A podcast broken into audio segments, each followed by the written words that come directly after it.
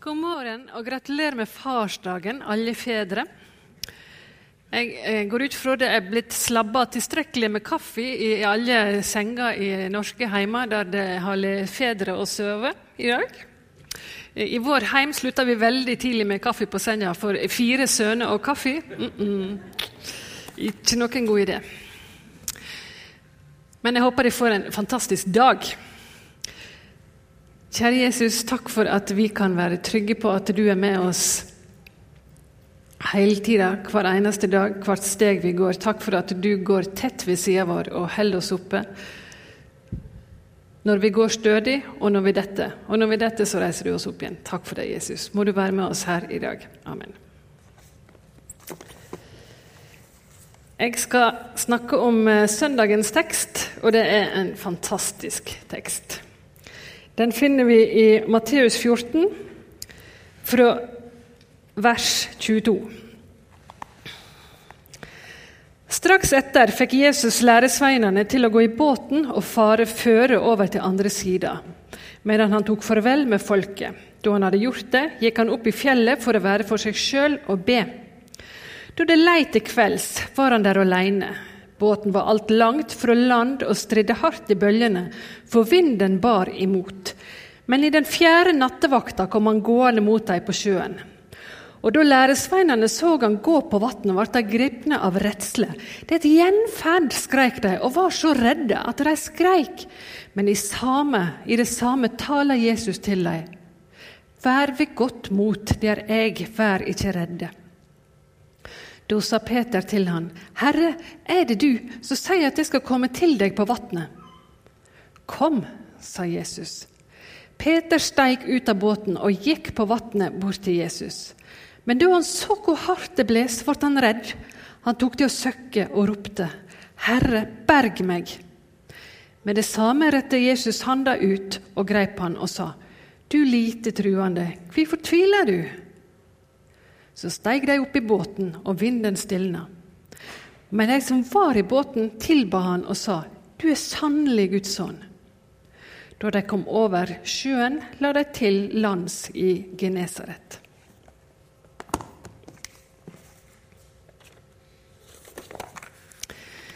De som kjenner meg, vet at jeg har slekta mi opp på Stad. På Ytre Fure, helt ytterst, på tuppen på Stadhalvøya.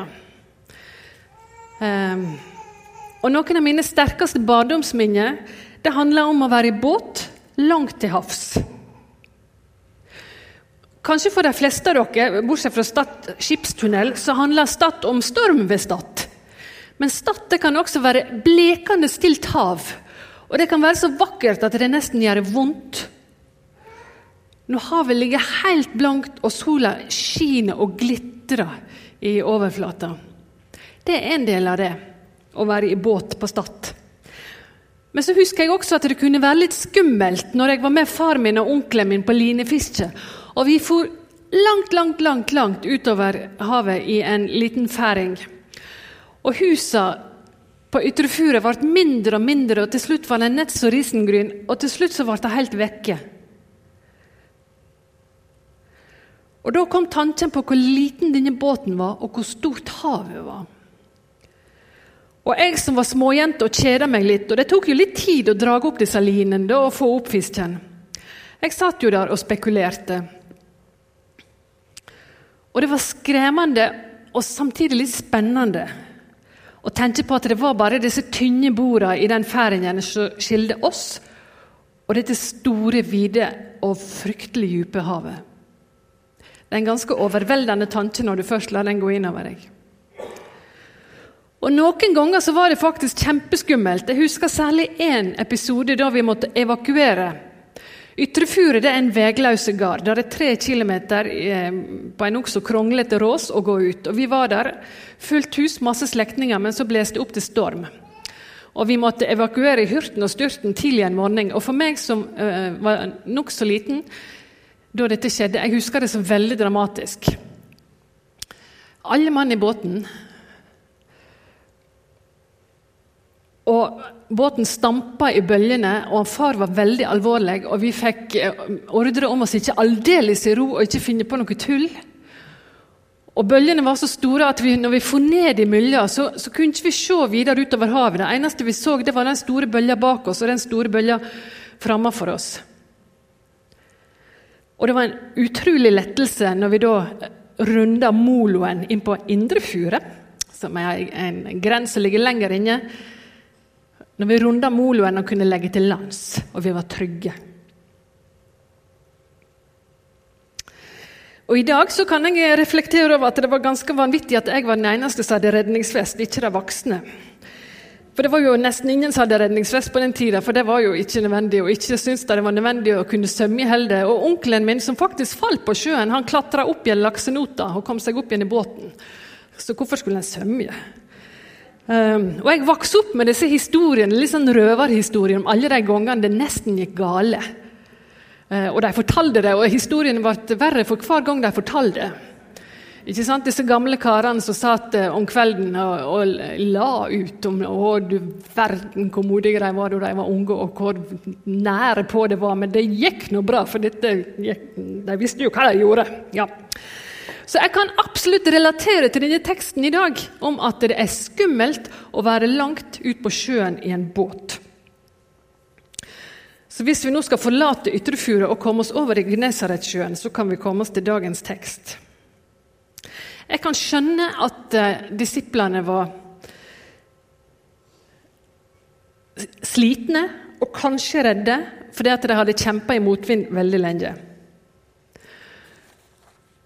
I timevis, faktisk, selv om denne sjøen ikke er all verdens stor. Og det som er Når du er ute på sjøen i, i uvær, er at det, det er liksom ikke noen sånn bryter du kan slå av og så kan du si nå er det nok for i dag, nå gir vi oss, vi fortsetter i morgen. Du må på en måte stå i det, samme hvor trøtt en er og utslitne. Og En kjenner seg fryktelig sårbare i en sånn, situasjon, i en sånn situasjon. Og denne Sonjen som vi alle kan så veldig godt, og som vi har vokst opp med 'Min båt er så liten og havet så stort', den, den har mye visdom i seg i sine enkle setninger. Det første som likevel er interessant i denne teksten som vi har i dag, det er å se at eh, Jesus sender disiplene ut i båten, og folket sender han av gårde. Og så går han opp i fjellet for å være for seg sjøl og be. Det er bare nevnt med noen korte setninger, men uh, jeg tenker at det skal vi ta med oss. Når også han måtte trekke seg til side og be og være alene med sin himmelske far. Hvor mye mer trenger ikke vi det?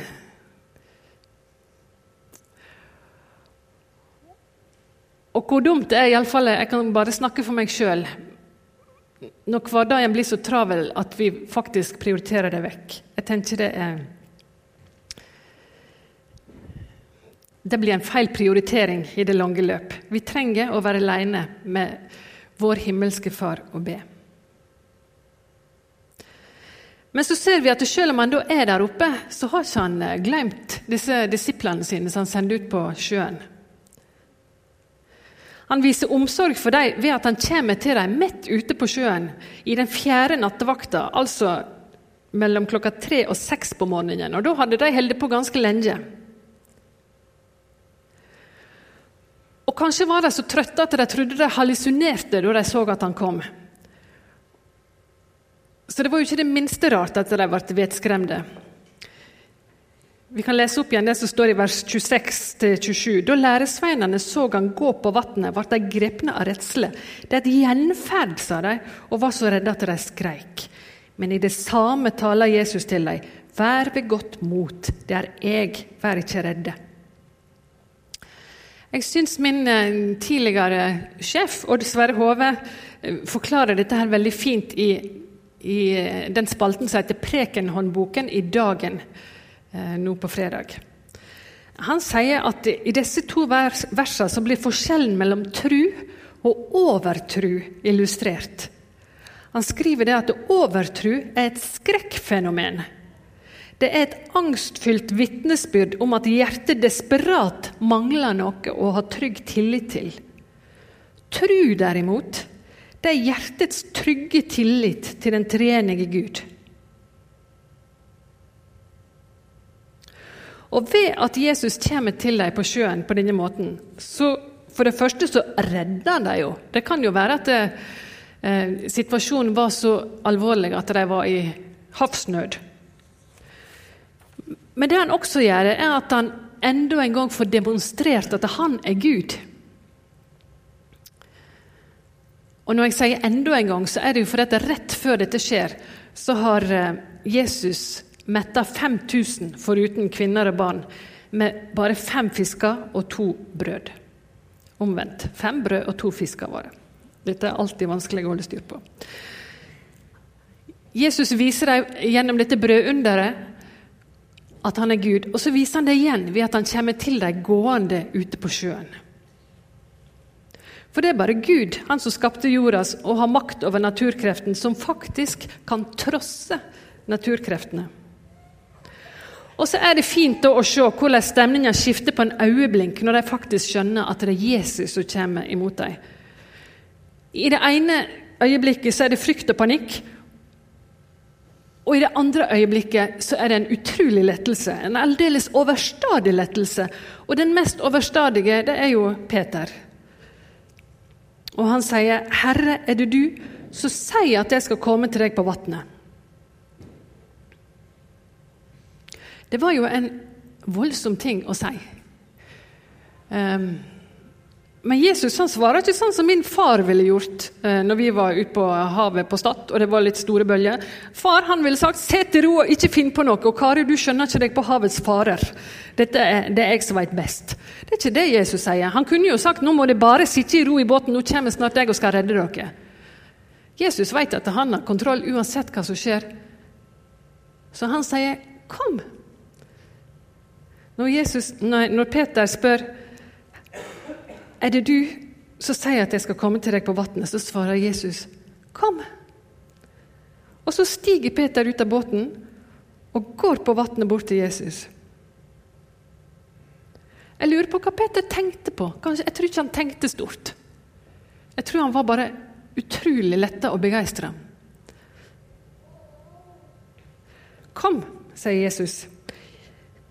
Gjennom dette bitte lille ordet med tre bokstaver så sier, at, nei, sier, Jesus at Peter kan stole på han. At Peter kan legge hele livet sitt i hans hender.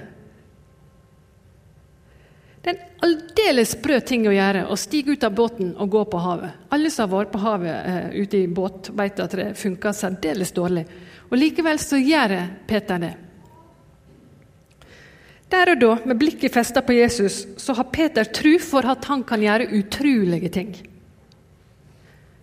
Kom, sier Jesus, og Peter kommer. Og Det som vi kan lære ut av denne lille episoden, det er at med tru og med blikket festa på Jesus, så kan vi gjøre utrolige ting. Med tru kan vi gjøre utrolige ting. Og så minner det oss om at Jesus av og til kaller oss ut av båten.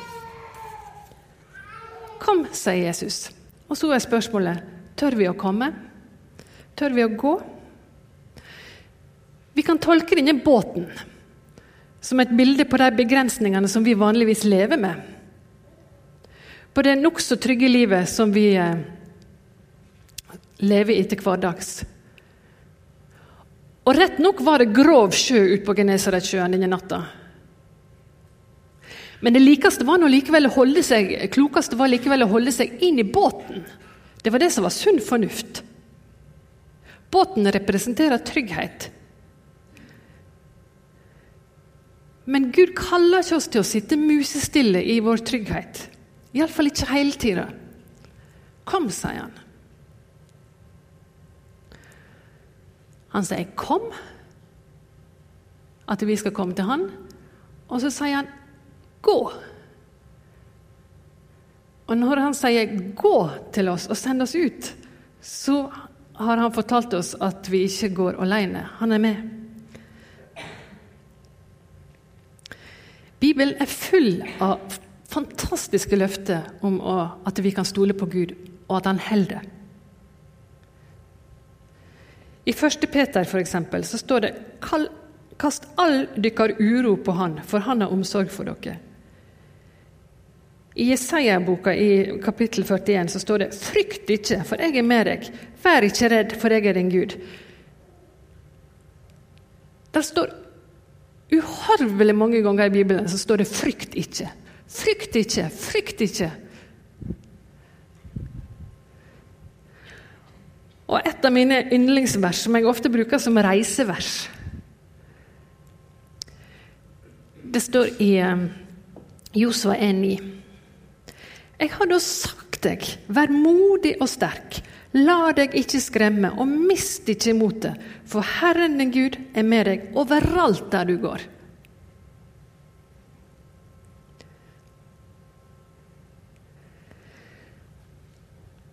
Ehm, når vi hører eller opplever Guds kall, så kan det oppleves som en sånn ut av båten-øyeblikk. Vi føler at Gud kanskje noen ganger kaller oss til å gjøre ting som vi faktisk ikke tør. Og som vi aldri hadde sett for oss, og som vi ikke har bitten lyst til. Det kan skje noen ganger i løpet av et liv at vi opplever at Gud kaller oss til rett og slett å ut av, stige ut av båten og gå på vannet. For meg, eh, når jeg har reist eh, altså For dere som ikke kjenner meg, jeg er redaktør i Dagen, og jeg har reist en del for å skrive om kristne som er på flukt for det de tror på. Forfølge kristne. Og Det er nokså absurd at jeg skal holde på med det, for jeg eh, syns det er stort sett like skummelt hver gang jeg reiser. Jeg og Nils Einar har ikke noen tradisjon for kaffe i senga, men vi har en annen tradisjon. og det er at Kvelden før jeg skal reise, så sier jeg alltid Nils Einar, Neste gang jeg kommer på at jeg skal reise på en sånn tur, så må du stoppe meg. Du må si at jeg skal slutte. For da er jeg så nervøs at jeg holder på å slå krøll på meg. Jeg er så nervøs at jeg holder på å spy. Ja, sier han litt seinere. Han har hørt det før. Og idet jeg setter meg på flyet, så går det over. Men kvelden før, dagen før, så er jeg helt ifra meg av eh, reisefeber og redsel. Og jeg lurer på hvor det skal gå med meg og jeg lurer på hvor det skal gå med ungene. Og tenker meg ikke kommer hjem igjen. Og Av en eller annen merkelig grunn så har jeg fortsatt å reise. For idet jeg kommer på disse her prosjektene, så syns jeg det er fantastisk. Og så bestiller jeg billett.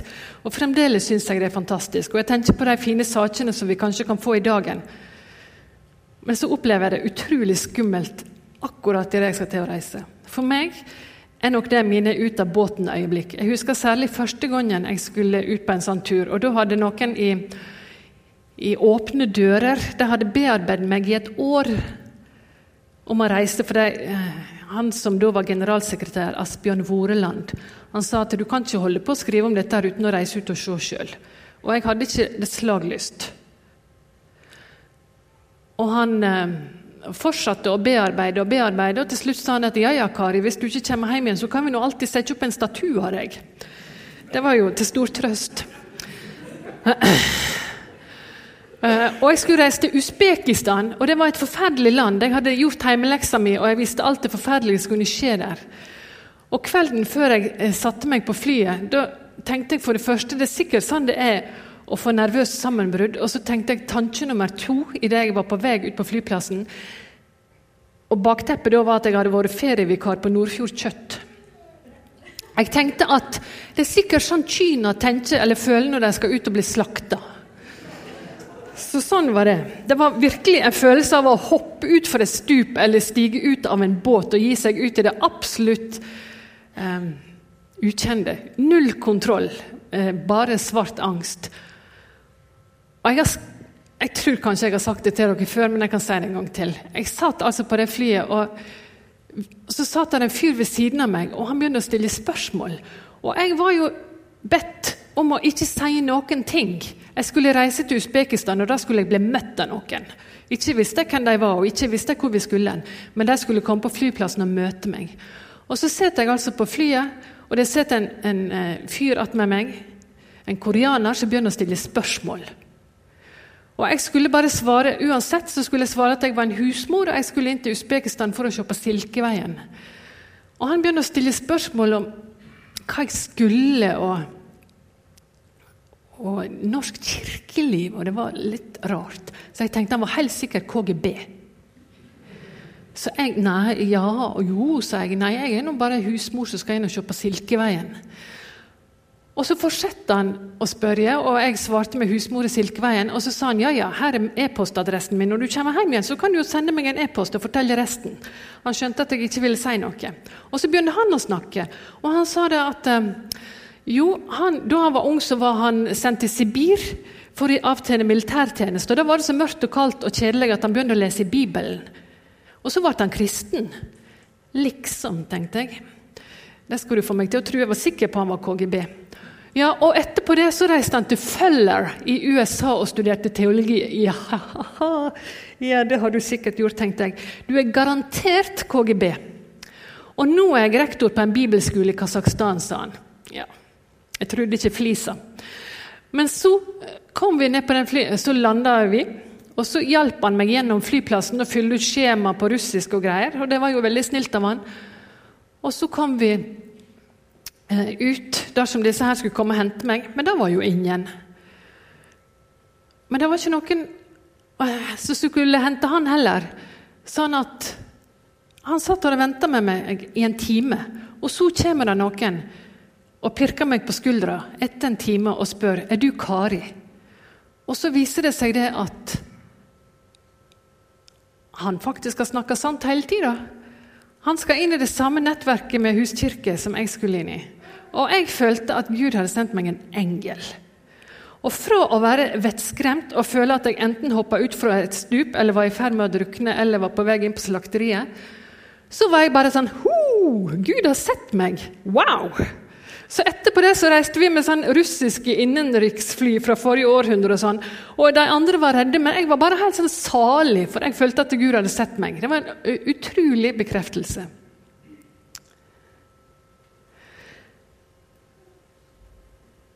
Og også på senere turer så har jeg opplevd at Gud har vært med. I den boka som jeg nettopp har skrevet nå, så forteller jeg om flere som som opplever at Gud har vært med i dramatiske situasjoner. Jeg forteller bl.a. om to mødre som måtte ta veldig store avgjørelser. En av dem heter Amira, og hun bor ute på Frekkhaug nå. Hun, de bodde i Aleppo, og krigen var så voldsom at de frykta for livet hver eneste dag. Og Amira hun var til slutt veldig traumatisert. Eh, hun, så, eh, hun, forteller en episode der det hadde slått ned en rakett rett ved siden av dem. Og når de da kom fram til der de skulle, de var ute og kjøre, så var hun så redd at hun bare sprang inn i huset og gjemte seg. Og mannen ropte 'Hva med ungene? Du må hjelpe meg med ungene'. Og Etterpå var hun utrolig skamfull for at hun ikke hadde tenkt på at hun måtte redde de to guttene sine ut av bilen. Det eneste hun klarte å tenke på, var seg sjøl.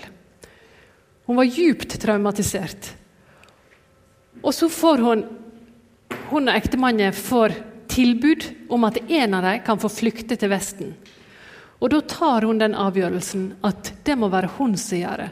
Hun er i stand til å reise, men hun er ikke i stand til å bo alene med de to små guttene i Aleppo og la mannen reise.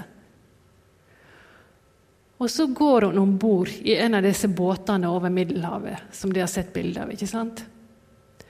Og hun, stapper, hun har en sånn mageveske med papirene sine som hun stapper ned i, bak bukselinjen. Og hun tenker at eh, hvis jeg drukner, så skal de iallfall finne ut hvem jeg er. For hun vet at det er ikke sikkert dette her går bra. Men ved å ta den sjansen, ved å stige ut av båten, så tenker hun at kanskje kan jeg på den måten få redda guttene mine. Komme meg til Vesten søke familiegjenforening og få dem ut av krigen i Aleppo. Og så gikk det bra. Hun kom seg fram. Og nå bor hele familien ute i Nordhordland.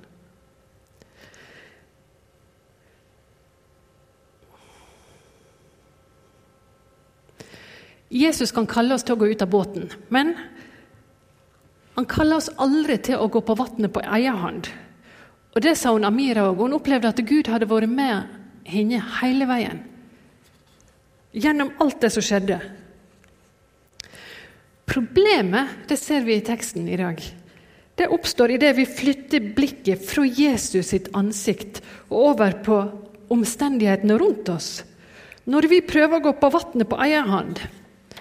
Det som skjer da, det er at vi synker. Det står i teksten at men da han så hvor hardt det bles, ble han redd, altså Peter. Han tok til å søkke og ropte 'Herre, berg meg'. Og det er jo det som er den eneste utveien når vi søkker. Det er å rope på Jesus. Ja, Selv om vi søkker helt til bunnen, så er ikke det for seint å rope på Jesus. Det er en svensk prest som heter Åsa Molin. og Hun har skrevet en nydelig bok som heter 'Og hjertet vender seg om', en bok om håp. Hun sier at kristen tro er en uansett hva som skjer, tro. På bunnen er det bare Gud som er igjen. Og nettopp derfor er det så trygt, skriver hun. Selv om vi søker til bunnen, så kan vi rope på Jesus, og da er han der. Og når jeg har reist til Syria og Irak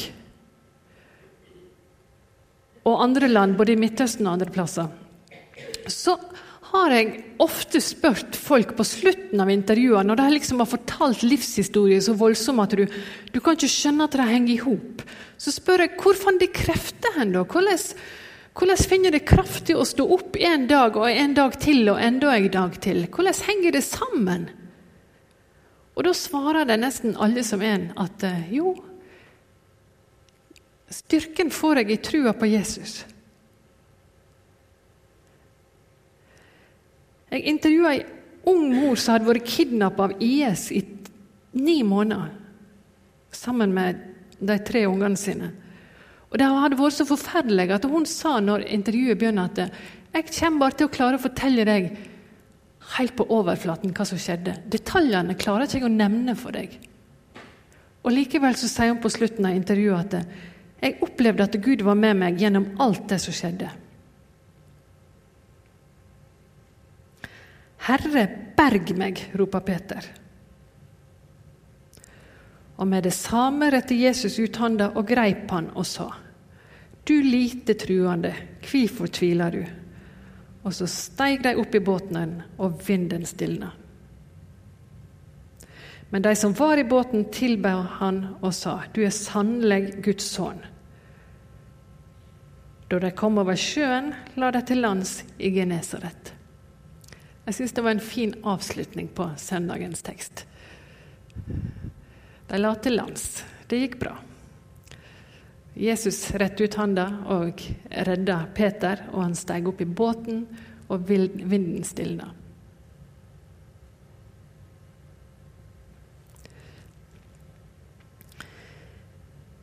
Jesus, takk for at du vil oss vel. Takk for at når du kaller oss til å gå ut av båten, så veit du at det er trygt, selv om vi føler det er skummelt. Takk for at du er med både ut på det opprørte havet, og at du setter med oss inn i båten, og at du fører oss trygt til lands. Amen.